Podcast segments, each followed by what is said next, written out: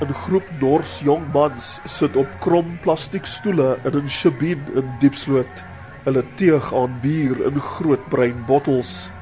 Dik lae sigaretrook hang in die lug en wantroue.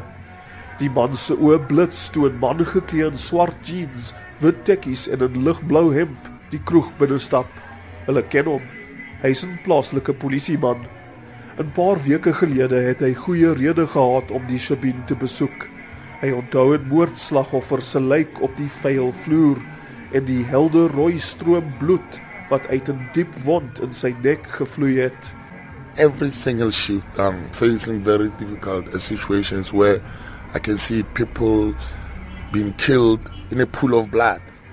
Die polisie lid sê Diepsloot is die gevaarlikste, booste plek waar hy nog gewerk het. Hy beskryf die oorbevolkte gebied met sowat 600 000 inwoners as die perfekte skuilplek vir misdadigers. Die polisieman kyk toe hoe kroeggangers stry terwyl hulle pool speel.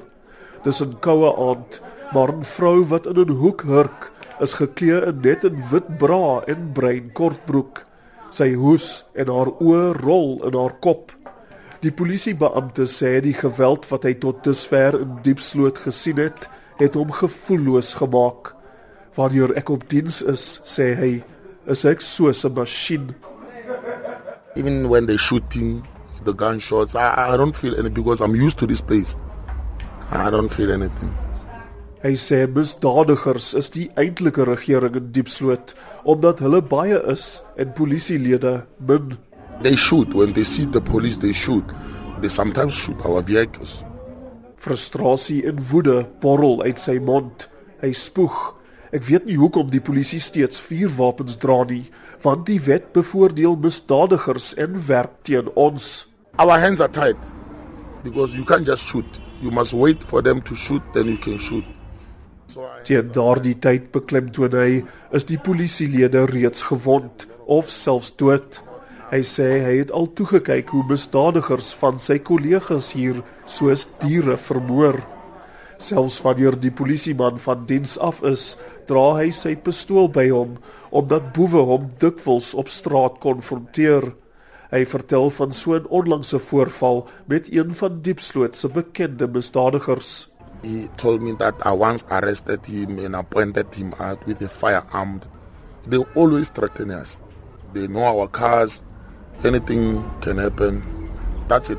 There's nothing I can do. I've been attacked before. Maar die gemeenskap het nie baie simpatie vir die polisielede nie. Nie terwyl die mense van Diepsloot daagliks deur misdadigers vermoor, verkrag en beroof word. Die polisie help hulle nie, kla baie inwoners. Die polisieman patrolleer in straat gepak met taksies en voetgangers musiek blaar uit winkels wat alles verkoop van gebraaide hoenderkoppe en voete tot pornografiese DVD's. In een van die winkels rol Pieter Glossy in afgryse wanneer hy die woord polisie hoor. Sy reaksie is tipies van baie inwoners se houding teenoor polisiebeamptes wat veronderstel is om hulle te beskerm. See around here, police is not working. Was good before but not now. Why not? Yeah, because everything is money. So you say when you when you need the police to help you, you must pay them money. Yeah. Yeah. Die mense van Diepsloot wag nie meer vir die polisie om mense wat hulle as misdadigers beskou in hegtenis te neem nie. Die polisieman sê hy moes al baie toe kyk hoe woedende skares verdagtes self vang en hulle met bakstene bestook of brandende motorbande om hulle nekke hang. They feel like the police are not doing their job. We are trying to do our job. We're trying the best we can. But with the shortage of members, resources, that's where we fail somewhere somehow. Because they feel like Diepsloot het 'n nuwe polisiestasie wat reeds 5 jaar terug gebou is teen 'n koste van sowat 50 miljoen rand, maar dit staan leeg. Regeringsamptenare sê dis weens administratiewe chaos en korrupsie met die oorspronklike tender wat eers ondersoek moet word. Dit beteken plaaslike polisielede moet vanuit 'n piepklein tydelike kantoor werk. Die polisieman sê die massiewe township word die meeste van die tyd deur slegs 2 voertuie en 4 polisiebeamptes gepatrolleer. In so 'n situasie sê hy, is dit onmoontlik om wet en orde in Diepsloot te handhaaf. Die gemeenskapsjoernalis Golden Tika stem saam. I wouldn't put much of the blame on the police because I've worked very closely with these guys and I can see that they are understaffed. These guys are under pressure, serious under pressure.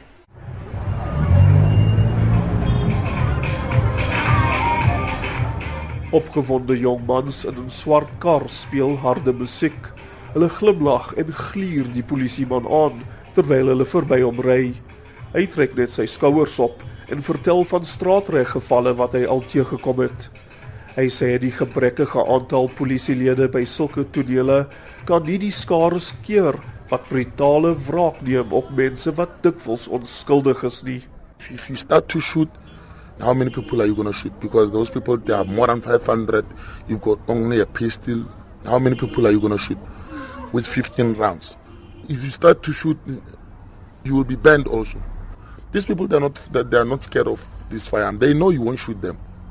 They know you won't shoot them. Die polisie lid sê hy verstaan hoekom die gemeenskap dikwels die reg in eie hande neem en hoekom mense hom vloek en selfs in sy gesig spoeg. Hy sê die polisie is net so kwaad en moedeloos as die inwoners omdat hulle misdadigers in hegtenis neem net om te sien hoe die howe hulle weer vrylaat. There's nothing you can do. Arrest that person tomorrow morning or next week he's out there. You staying here, you working here, he can kill you anytime. He can come to your house and kill you anytime.